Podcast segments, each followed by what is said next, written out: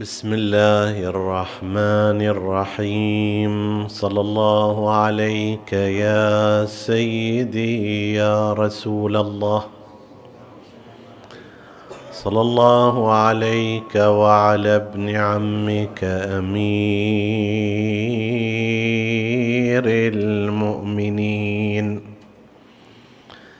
وإمام المتقين وعلى أهل بيتك الطيبين الطاهرين.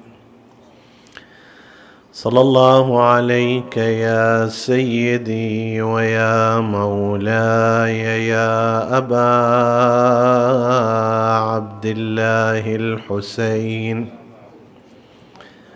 ما خاب من تمسك بكم وأمنا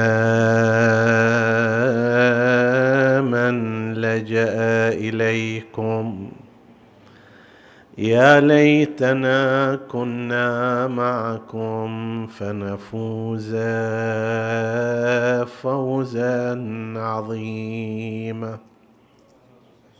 عطروا مجالسكم بذكر محمد وآل محمد.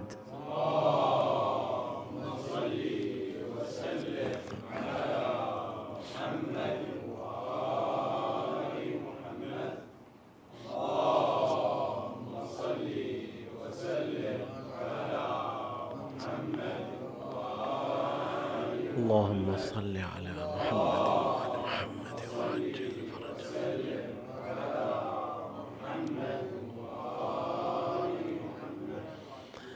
حديثنا بإذن الله تعالى. يتناول هذه الليلة فئة من الفئات الاجتماعية التي كانت في كربلاء من النساء ولها حضور يستحق أن يقتدى به. هذه الفئة هي فئة الموليات أو الجواري من النساء اللاتي جئن إلى كربلاء إما مع الهاشميات أو مع غيرهن. كان هناك في كربلاء عدد من النساء. اللاتي كن ضمن التصنيف الاجتماعي إما في الأساس غير متحررات يعني في حكم الجارية المملوكة أو كن في حكم المولى. أحيانا المالك يعتق عبده أو أمته قربة إلى الله تعالى ولكن يبقي علاقة الولاء معها يعني انتماء هذا العبد الاجتماعي بعد حريته يكون لهذا المالك. وله آثار فقهية تترتب عليه. ذكرها العلماء في كتبهم الفقهية. نحن الآن نريد أن نشير إلى قضية هي أن قضية كربلاء كانت من السعة في الدروس والعبر بحيث يستطيع الإنسان المسلم ايا كان سنه وايا كان موقعه الاجتماعي فإنه يستطيع الاقتداء بنموذج أو نماذج في كربلاء. عندنا الأطفال هناك ممن كان عمرهم في سن الطفولة ومارسوا أدوارا في النصرة للحسين عليه السلام وهؤلاء بالإمكان أن نقدمهم كنماذج الطفل المسلم أينما كان في أن بإمكانك أن تمارس خدمة الإسلام والتضحية من أجله والعطاء في سبيله. كان هناك شبيبه في سن الشباب أيضا كذلك. كان عندنا رجال ناضجون بل ومكتهلون وعندنا كبار في السن وشيوخ قد طعنوا في العمر ومع ذلك قدموا نماذج ودروسا في نصرة الدين وخدمة العقيده فبالإمكان أن يقدم كل واحد من هؤلاء لصنف من الناس. بينما لو كانت كربلاء في فئة واحدة ولنفترض فقط هي فئة الرجال الناضجين والمكتملين آنئذ لا تستطيع أن تقدم نموذج الرجل الناضج إلى طفل لكي يقتدي به لاختلاف الوعي بينهما ولاختلاف المشاعر والأحاسيس والإدراكات. لازم تقدم اليه واحد شبيه به قريب منه وتقول له فعل هذا فافعل مثله. وهذا ما يقتصر فقط على الرجال وإنما يمتد أيضا ليشمل النساء في هذا الاتجاه؟ ما يقتصر على من يصنفون بحسب التصنيف الاجتماعي بالأحرار وإنما حتى من يصنفون اجتماعيا على فئة العبيد والمماليك والأرقاء والموالي أيضا. سوف نأتي ببعض الأمثلة من هذه النساء المؤمنات اللاتي كن يصنفن على غير الحرائر غالبا ونقدم لذلك بمقدمة هي محاولة محاولة إجابة على سؤال قديم لكنه متجدد. الآن خصوصا مع ذهاب أبنائنا إلى الخارج وشبابنا للدراسة العليا في الخارج هذا السؤال يتكرر عليهم وهو أنه ماذا صنع الإسلام لمشكلة الرقيق والعبيد؟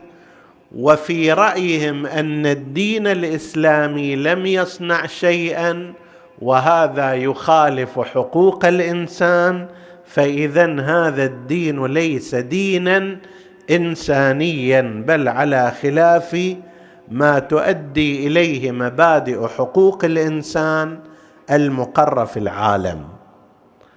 هناك بعض الأساتذة هناك بعض المحاورين هناك بعض المبشرين اللي إما يريد أن يدعو أبناءنا إلى ديانته أو حتى يكتفي بمجرد إلقاء الشبهة حول الإسلام فيطرح هذا السؤال من جملة هذه الأسئلة أن قضية الرقيق وتحريرهم ها هذه القضية لم يصنع فيها الإسلام شيئا فبناء على ذلك هو يخالف حق الإنسان في الحرية.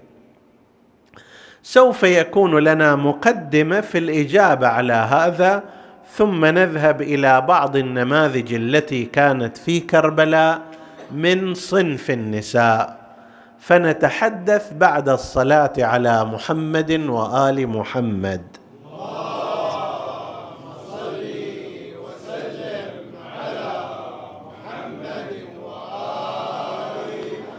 لو نظرنا إلى العالم في زمان مجيء الرسالة الإسلامية سوف نجد أن وجود العبيد والأرقاء بمعنى أن شخصا يملك شخصا آخر ويتصرف فيه ويبيعه ويشتريه وهكذا يتحكم فيه هذه الحالة كانت جزءا من النظام الاجتماعي والاقتصادي على مستوى العالم. كيف الآن على سبيل المثال بعض النقد هو على مستوى العالم جزء من الاقتصاد العالمي يتعامل الناس في العالم اليوم مثلا بالدولار؟ هذا جزء من النظام الاقتصادي العالمي. الذهب جزء من الاقتصاد العالمي. ما حد مقرر ولكن العالم يتعامل مع هذه السلعة على أنها سلعة قيمة وتقيم بها الأشياء. فجزء من النظام الاقتصادي. ذاك الوقت كان موضوع امتلاك العبيد والأرقاء هم جزء من النظام الاجتماعي على مستوى العالم وجزء من النظام الاقتصادي بحيث الشخص كان مثل ما يملك من النقد كذا ومن الأغنام كذا ومن الذهب كذا كان أيضا يحسب من جزء جزء من ثروته كم يمتلك من الأرقاء من العبيد من الرجال المملوكين له ومن النساء الجواري اللاتي يبيع فيهن ويشتري. بالإضافة إلى أنه جزء من النظام الاجتماعي أيضا بحيث أصحاب الأموال لا لم يكونوا يستطيعون أن يديروا حياتهم بشكل طبيعي إلا مع وجود عدد من هؤلاء رجالا أو نساء عبيدا وجواري أو إماء. هذا كان الوضع العام. اجى الإسلام في ضمن هذا الظرف وكان إلى هذا الموضوع منافذ متعددة مو منفذ واحد. كان أكو منافذ شخصية بمعنى أن واحد كان فقيرا أو مديونا فيقوم لتسديد دينه هو بنفسه. كان هذا الأمر موجود في المجتمع البشري. هو بنفسه لتسديد دينه أو رفع حاجته.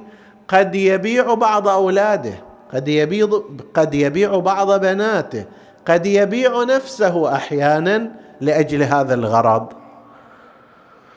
النظام الاجتماعي كان يقبل هذا في ذلك الوقت وكان يراه أمر طبيعي. هذا إلى عهد قريب في مثل الهند على سبيل المثال. هناك طبقة طبقة المنبوذين إلى الآن تعيش حالة وحياة قريبة من هذا المعنى. هذا منفذ من المنافذ. منفذ آخر من المنافذ النهب والاختطاف الذي كان يحصل بين القبائل والعشائر. هاي القبيلة قوية تهجم على قبيلة أخرى تسترق وتأسر مجموعة من رجالها من نسائها خلاص ما تفتك منها. حتى زيد ابن حارثة الشيباني مع أنه عربي من قبيلة بني شيبان إلا أنه اختطف في فترة من الفترات وصار إلى سوق مكة واشتري من قبل السيدة خديجة سلام الله عليها وهي أهدته إلى رسول الله صلى الله عليه وآله والنبي قام بعتقه فيما بعد. فهذا ما كان على أثر فقر شخصي أو دين وإنما كان على أثر هجوم شنته قبيلة معادية على هذه القبيلة واختطفوا منها وغنموا منها. هذا مصدر ثاني والمصدر الثالث الحروب اللي كانت تصير بين الدول والمجتمعات الكبرى. هذه كلها كانت تسوق مجاميع من الناس إلى مثل هذه الاسواق أسواق النخاسة أسواق البيع والشراء. اجى الإسلام في ظل هذا الوضع. قام الإسلام بعدة أمور سوف تنتهي على المدى البعيد إلى تجفيف هذه القضايا. فأول شيء المصدر مال هذه الأمور منعه. حرم على كل إنسان أن يبيع نفسه أو أن يبيع حرا أو أن يشتري حرا.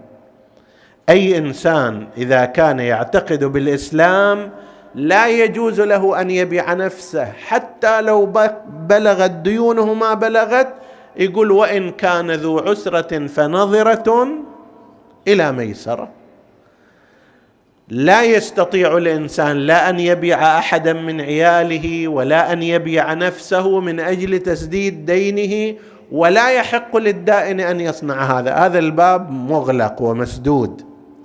الغزو المتبادل والهجوم بين القبائل جعله محرما لأنه من الاعتداء والظلم وكل شيء يترتب عليه يكون باطلا حتى لو تأخذ الك إبريق على أثر الهجوم على قبيلة أخرى لازم ترجعه فضلا عما إذا كان انسانا.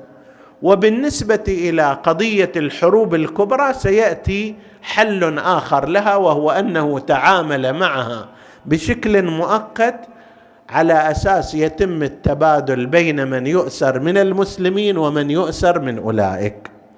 فالمصادر والمنابع التي ينبع منها هؤلاء العبيد والأرقاء أغلقها. اجينا إلى هؤلاء الموجودون الآن إلى هؤلاء الموجودين في الأسواق. أكو بالتالي كمية من هؤلاء العبيد والأرقاء والجواري موجودة في السوق. تتبادل. أن يجي على طول يقول هذه كلهم أحرار بالتالي هذه أموال. لازم إذا يريد يسوي هالشكل لازم يعوض الإسلام. هذه هؤلاء الملاك لازم يعوضهم بقدر ما أخذ منهم. أنت تقول هذا حر ما يخالف هذا أنا اشتريته بألف دينار على سبيل المثال. تعطيني ألف دينار؟ فهذه الطريقة لم تكن طريقة الطريقة السليمة وإنما جاء بمجموعة أمور أخرى. واحد من الأمور التي جاء بها الدين أنه جعل واحدا مهما من تكفير الذنوب وتغطيتها للإنسان يمر عبر تحرير الرقاب وعبر عتق العبيد. وهذا إذا نسوي حسبة بسيطة إلى جدا بسيطة سوف تجد أنه يبخر هذه الظاهرة بدرجة كبيرة. الآن لو لو نحسب الآن في عصرنا هذا هناك مليار وسبعمائة مليون مسلم في العالم. تقريبا هكذا ذكروا. لو فرضنا من هؤلاء المليار وسبعمائة مليون مسلم فقط مليون واحد في شهر رمضان يفطرون يوما واحدا متعمدا والحال أنه قطعا أكثر من هذا. المشايخ والعلماء عندهم يعني إشراف على هذه القضية. إلى أيامنا هذا يتم السؤال انه واحد إذا كان في شهر رمضان أفطر متعمدا ماذا يصنع؟ وعدد مو قليل ها. زين؟ إذا تحسب هذا على مستوى قرية فكيف إذا على مستوى كل المسلمين في العالم؟ مليار وسبعمائة مليون مثلا في هذه الأيام.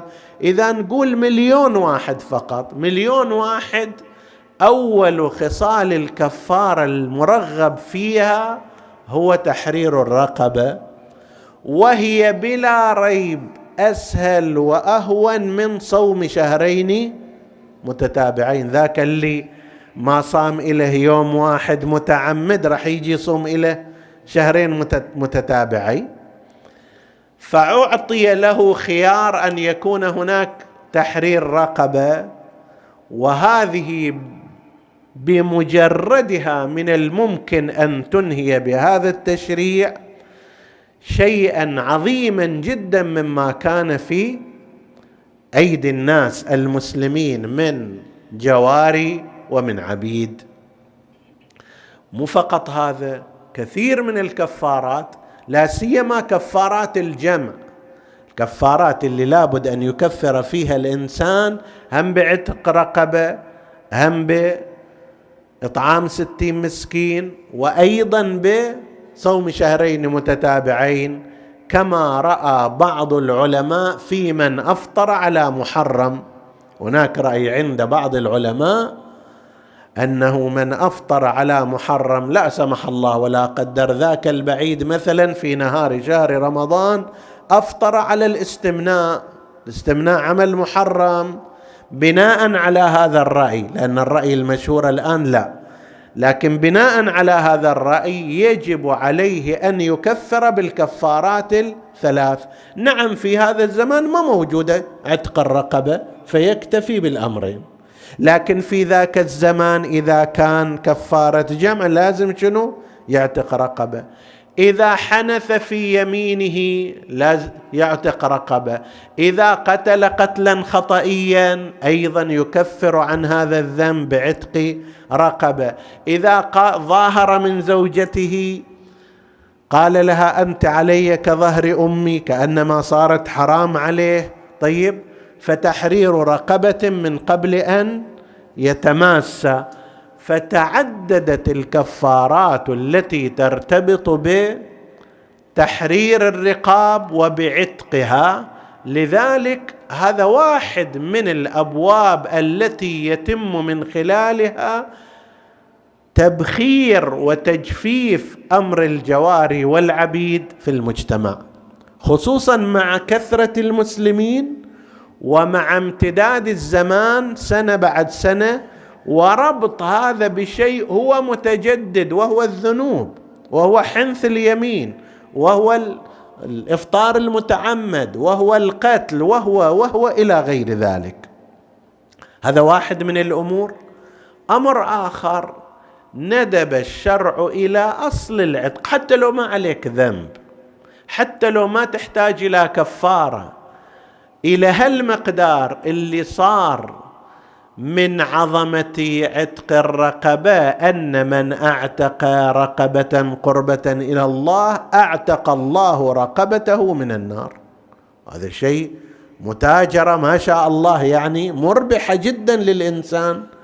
وصار بعض الأعمال تثمن بعتق رقبة من اعتمر في كذا كان كمن أعتق رقبة مؤمنة مما يشير إلى عظمة الثواب في عتق الرقاب فندب إلى ذلك. يعني أكو شيء واجب أكو شيء مستحب أكو شيء في أيضا توافق اجتماعي وتعاقد اجتماعي وهو ما نسميه في الفقه بالمكاتبة. مكاتبة يعني شنو؟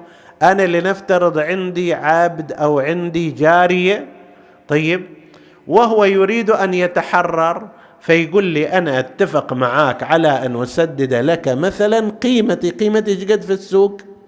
ألف ريال ألفين ريال. أنا أشتغل لك بمقدار ألفين ريال أو أسددها لك على دفعات.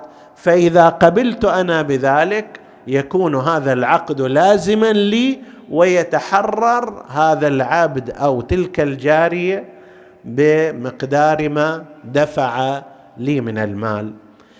هذه طرق متعددة صارت من أجل القضاء الاجتماعي على هذه الظاهرة وهي تدريجية يأكل بعضها بالتدريج هذه الظاهرة وينهيها مع رضا الناس ومع وعدهم بالثواب ومن دون أن يقرر قرارا قد لا يطبق. وبالفعل تراجعت هذه الظاهرة تراجعا كبيرا جدا إلا ما نجده عند قسم من الخلفاء والسلاطين وأصحاب الاستكبار والترف. وأما عند عامة الناس المتأثرين بتعاليم الإسلام تراجعت هذه الظاهرة إلى درجة كبيرة. لا سيما مع جهة أخرى وهو أنه الإسلام أتاح قال أنت عندك علاقة ويا هذا بعض هؤلاء العبيد أو الجواري عندما جاءوا إلى بعض البيوت الرفيعة التصقوا بهم.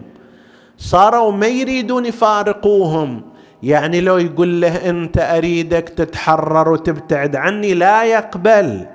فأتاح الإسلام في ذلك فرصة بأن يعتقه ويبقى له ولاءه. افترض مثل قنبر. قنبر مولى أمير المؤمنين عليه السلام. أعتقه بس بقي ولاؤه للإمام عليه السلام.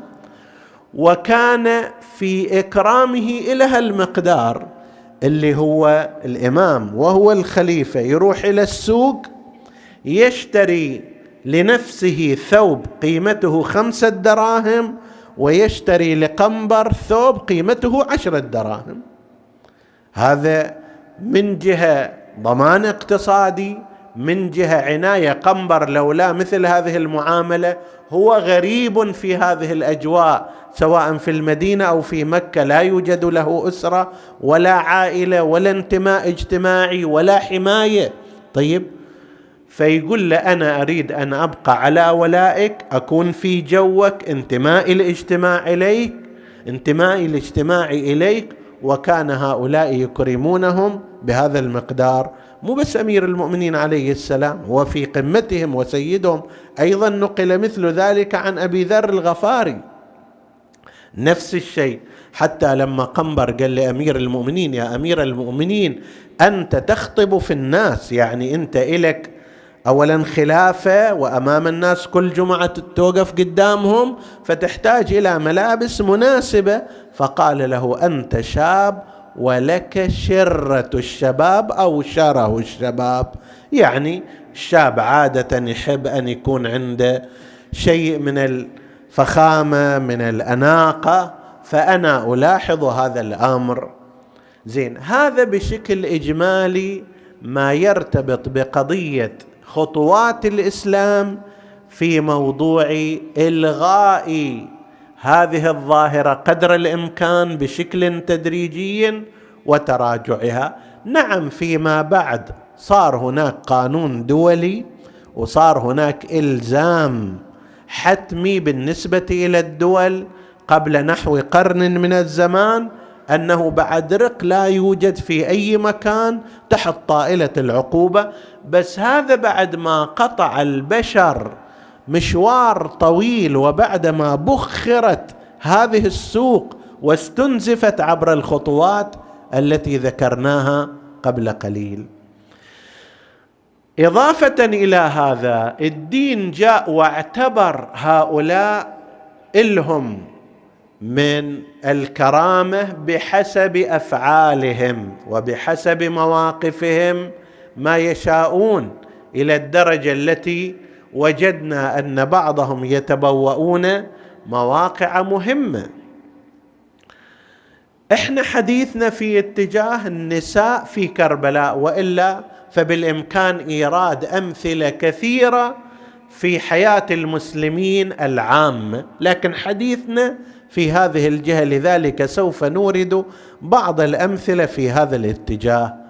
في كربلاء نحن نجد بعض النساء اللاتي جئن مع سيدات بني هاشم باعتبار أنهن كن موليات لهن عاشت عشن حياتهن مع هذه النساء. من أمثلة ذلك ما ينقل عن فضة الحبشية. فضة امرأة مشهورة في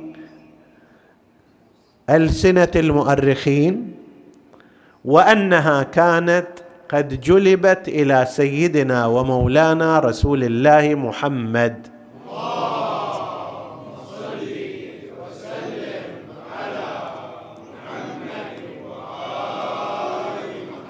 بعد ذلك أهداها النبي صلى الله عليه وآله إلى فاطمة صلوات الله عليها حتى تعينها في أمور المنزل. فاطمة عليها السلام عندما تزوجت كانت من بنات العاشرة من العمر. زين؟ وتتابع عليها أمر الحمل والولادة بشكل متتابع. يعني أنجبت الإمامة الحسن عليه السلام بعد زفافها بنحو سنة أو حدود ذلك. مباشرة أيضا جاء الإمام الحسين عليه السلام لم يفصل على المشهور بينهما سوى طهر. المهم في سنة أخرى على كلام في مثل هذا الأمر. ثم بعد ذلك السيدة زينب سلام الله عليها وهكذا فكانت بالإضافة إلى هذه الرعاية للأبناء والبنات أيضا تدير شؤون البيت. أنت خذ هالمثال هذا اللي يكشف لك ما كان عليه فاطمة. إن فاطمة عندنا أكثر من حديث. إن فاطمة قد طحنت بالرحى حتى مجلت يداها. الرحى يمكن بعض نسائنا وبعض الرجال الكبار في السن لحقوا عليه. في البيوت جاروش هذا كان يدار وهو ثقيل جدا وعمل يومي فيه لأن الخبز كان هو الطعام الرئيسي بعد ماكو. الصبح الأطعمة هذه الجاهزة والظهر الرز وكذا صبح ظهر ليل هي كل خبز لازم يصير طحن وجرش وما شابه ذلك. وهذا شغل السيدة فاطمة عليه السلام. حتى مجلت يدها. المجل هو ظهور انتفاخات في اليد على أثر الإمساك بشيء ثقيل أو ما شابه ذلك. تتنفخ اليد. وكنست فناء المنزل حتى دكنت ثيابها وطبخت تحت القدر حتى دخنت ثيابها وما شابه ذلك فأصابها من ذلك ضرر كبير. هذا بالإضافة إلى قضية ابنين يعني الآن واحد عمره سنتين وواحد عمره سنة في السنوات الأولى. فأهدى لها أهدى لها رسول الله صلى الله عليه وآله فضة الحبشية. وبعد ذلك انتقلت بعد شهادة الزهراء عليه السلام انتقلت هذه فضة إلى السيدة زينب سلام الله عليها ولعلها كانت هدية أمها إليها أو أن زوجها عبد الله بن جعفر فيما بعد اشتراها لها. هذا لا يتحدث عنه التاريخ لكنها انتقلت إليها وفيما بعد كانت مع السيدة زينب في كربلاء وعاشت أيضا تجربة السبي والسفر من كربلاء إلى الكوفة ثم الشام وهكذا في حالة الرجوع. تذكر عنها قصص كثيرة بعضها يحتاج إلى التدقيق والتحقيق ولكن في الإجمال يظهر منها أنها كانت على مستوى غير عادي من المعرفة بالقرآن إذا صحت بعض الروايات من أنها كانت في طريقها إلى الحج وطبعا تزوجت فضة الحبشية زوجت في زمان أمير المؤمنين عليه السلام بأبي ثعلب الحبشي وأنجبت أبناء وبنات. واحدة من حفيداتها كما نقلوا تنقل هذه القصة أنها كانت في طريق الحج فلقيها بعضهم وسألها إلى أين تذهبين؟ فقالت له ولله على الناس حج البيت من استطاع إليه سبيلا؟ قال لها من معك؟ فقالت يا نوح إنه ليس من أهلك إنه عمل غير صالح وما تلك بيمينك يا موسى إلى آخره. مما كانت تريد أن تتحدث عن أبنائها الذين كانوا معها في هذا الطريق ولكن كل ذلك من خلال الاستشهاد بآيات القرآن الكريم. إذا تمت مثل هذه القصة فهذا يكشف عن شيء متقدم في المعرفة بالقرآن والاستشهاد به والحوار حوار طويل على أي حال. هذه امرأة كانت في ضمن السبايا بل تنقل عنها أيضا بعض القضايا في كربلاء كما نقلت ذلك بعض الكتب المتأخرة وفيها يظهر لها نحو فضيلة في هذا الاتجاه. هذه واحدة. الأخرى لا تتقدم خطوة إلى الأمام وهي المرأة الصالحة كبشة. هذه كانت من الجواري اللاتي انتقلن بهدية الإمام الحسين عليه السلام إلى أم إسحاق زوجته. تحدثنا إحدى الليالي عن شيء من سيرة أم إسحاق التيمية والدة فاطمة بنت الحسين عليه السلام وذكرنا شيئا من أمورها وقضاياها. هذه كان عندها هذه الجارية بمثابة مساعدة ومعاونة لها. الإمام الحسين عليه السلام زوج هذه الجارية برجل من نظرائها فولدت لهما ولدت لهما ولدا كان أحد شهداء كربلاء وهو قارب. اسمه قارب وورد التسليم عليه في زيارة المعصوم الزياره اللي يعدد فيها الإمام أسماء الشهداء ورد السلام على قارب مولى أبي عبد الله الحسين عليه السلام. كان من الموالي وزوجته أمه عفوا كانت مولاة لأم إسحاق بنت طلحة التيمية أحد شهداء كربلاء أمه واحدة من هذه النساء اللاتي كن يحسبن ضمن الجواري وضمن الموليات. لعل أول شهداء الثورة الحسينية قد يكون قبل أو بعد مسلم ابن عقيل أيضا أمه من هذا الصنف وهو سليمان ابن أبي رزين. أمه جارية تسمى فكيهة. هذه فكيهة كانت مع الرباب بنت امرئ القيس زوجة الإمام الحسين من أوائل زواجها يعني من حدود.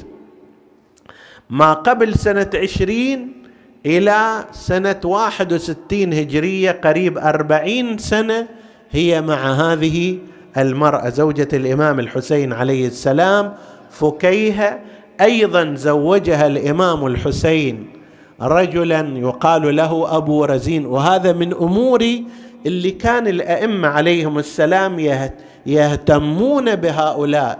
الجاريه صحيح جارية بس عندها حاجات للزواج.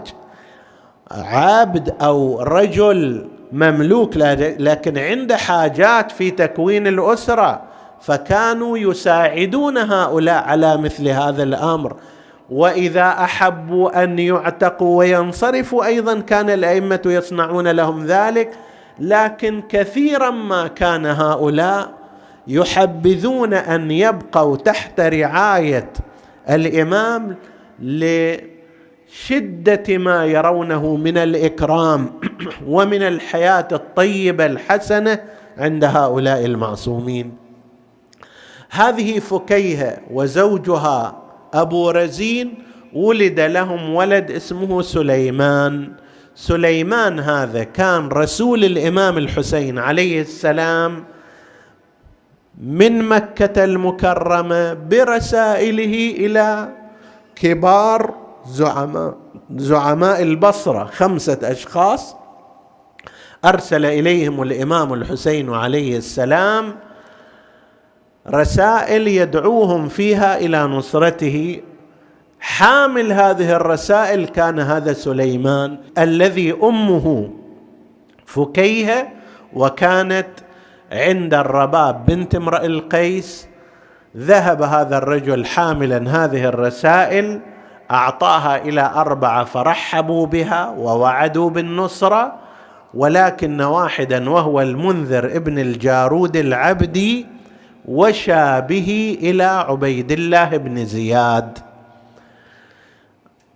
هذا الرجل المنذر ابن جارود العبدي أخته كانت زوجة لابن زياد فخشي أن تختل علاقته بابن زياد وتوهم أنه ربما يكون في الأمر دسيسة فجاء بالرسول والرسالة إلى ابن زياد وقال له هذا ترى جايب لي هالرساله وحسب التعبير أنا مخلص إلكم وما ما أتحالف ضدكم ولا هم يحزنون فقربه ابن زياد وقطع عنقه.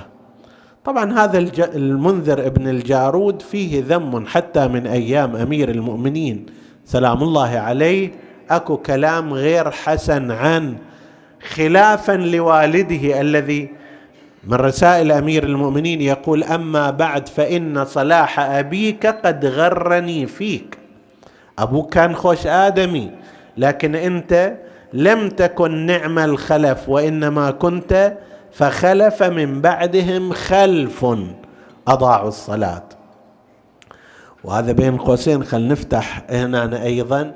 اكو بعض الناس هالموجة الان طالعة ترى إحنا العبديون ما ادري كذا إحنا المقربون إحنا اللي انصار الأئمة عليهم السلام. هذا صحيح في الجملة ولكن هذا المجتمع كسائر المجتمعات فيه اناس طيبون مخلصون شجعان طيب على مستوى عالي من الفداء. وهناك أناس أيضا مصلحيون يقدمون الدنيا على الآخرة وهذا واحد منهم. مر ابن منقذ العبدي أيضا واحد منهم قاتل علي الأكبر. طيب أخوه الآخر رجاء ابن منقذ العبدي أيضا كان ممن أعان على الحسين عليه السلام. بس أختهم ماريه بنت منقذ العبدي رفعت رأس. كان عندهم ما يشبه حسينيات هذا الزمان في البصرة مكان يجتمع فيه المؤمنون ومنه انطلق بعض العبديين لنصرة الحسين سلام الله عليه. فليصير عند بعض المجتمعات نوع من الاعتداد بأنه إحنا كلنا ما عندنا إلا الخير وغيرنا ما عندهم إلا الشر. لا في كل مجتمع يوجد الصنف ويوجد ذلك الصنف. الشاهد أن الإنسان ينبغي أن يجعل نفسه في صنف الصالحين بالعمل لا بالإدعاء بالممارسة لا بالعنوان. طيب فهذا الرجل المنذر ابن جارود قدم سليمان ابن أبي رزين إلى أن قتل. هنا الحر في الواقع هو سليمان مو ذاك ذاك عبد شهواته. ذاك المنذر ابن جارود عبد الخوف عبد الشهوة عبد الطمع عبد عبيد الله ابن زياد.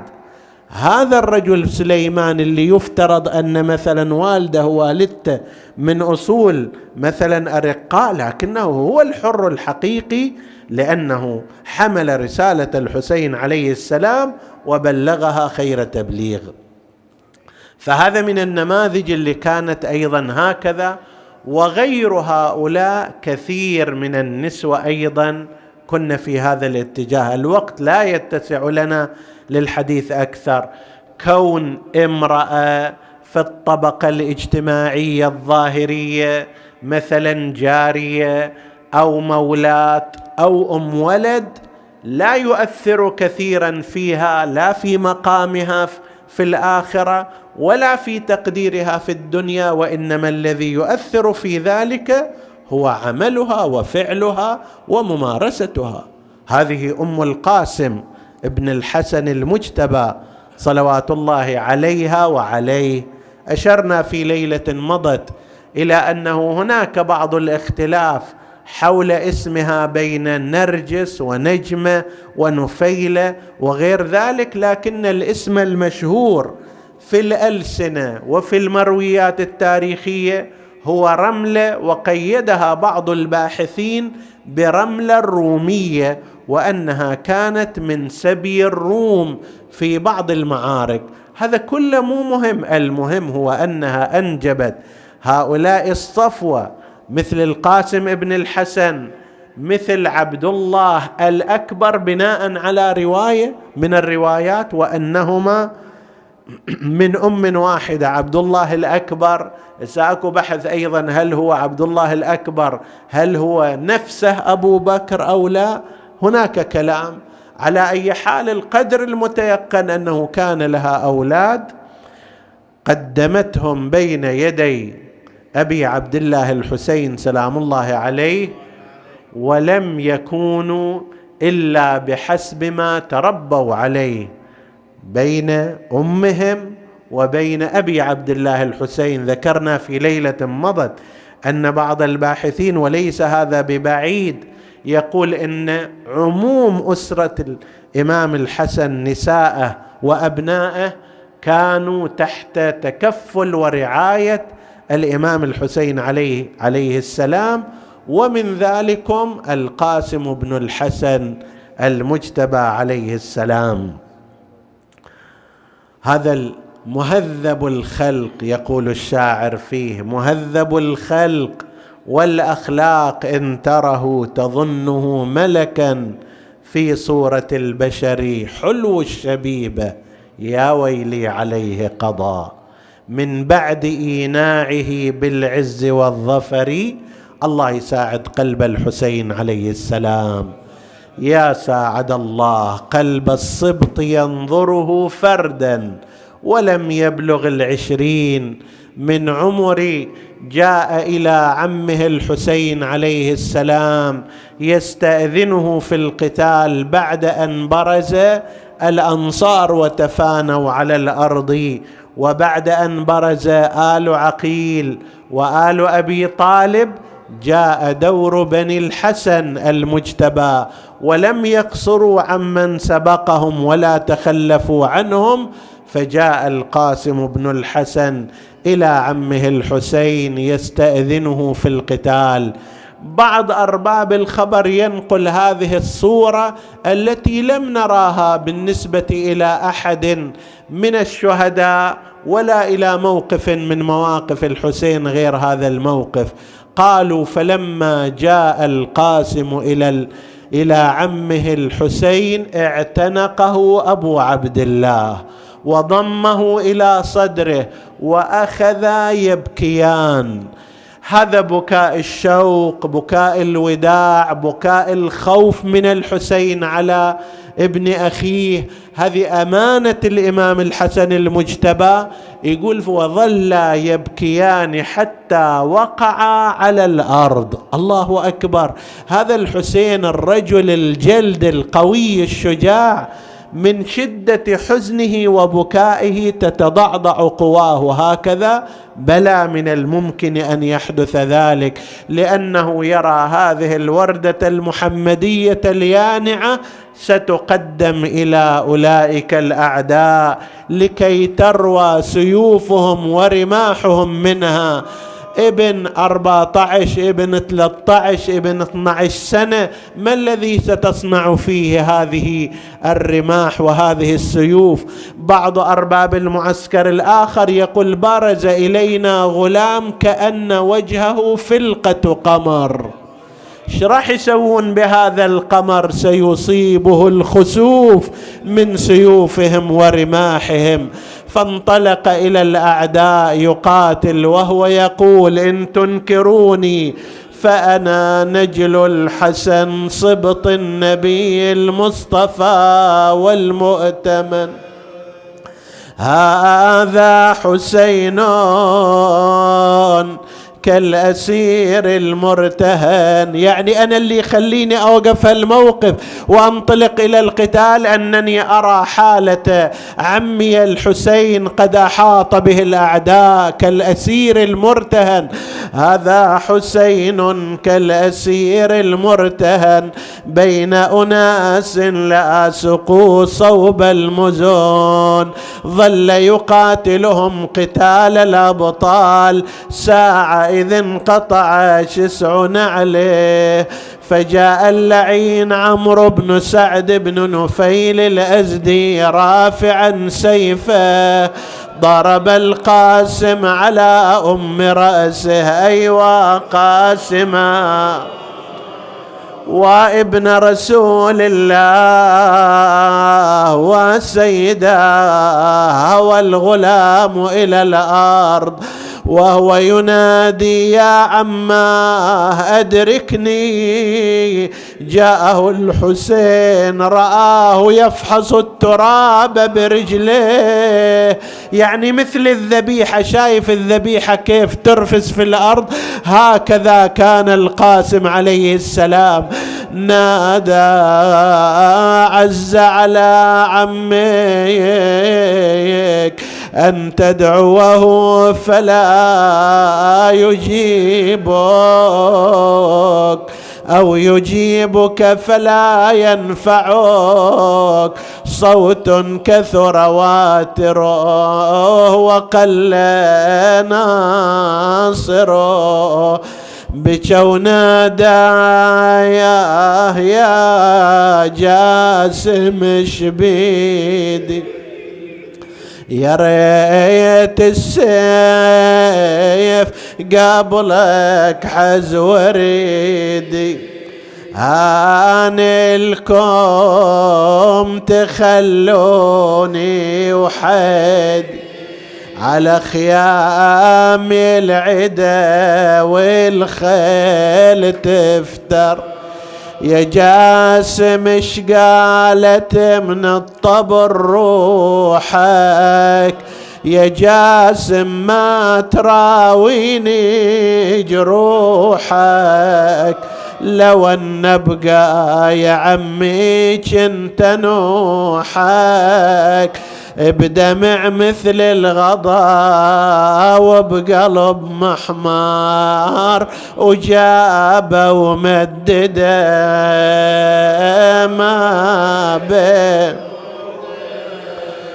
بجعدهم يوم يا ويلي أهم موت بس ما سمعت النسوان صوت.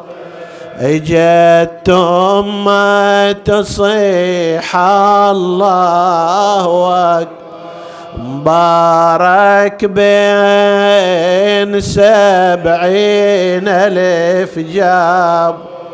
عن الحنة بدم الرأس. بدال الشمع بالنشاب زفوك. على رأسك ملبسنا بالينثو بني في لفة خلفت والدة ترعى نجوم السماء في الليل بالسهر.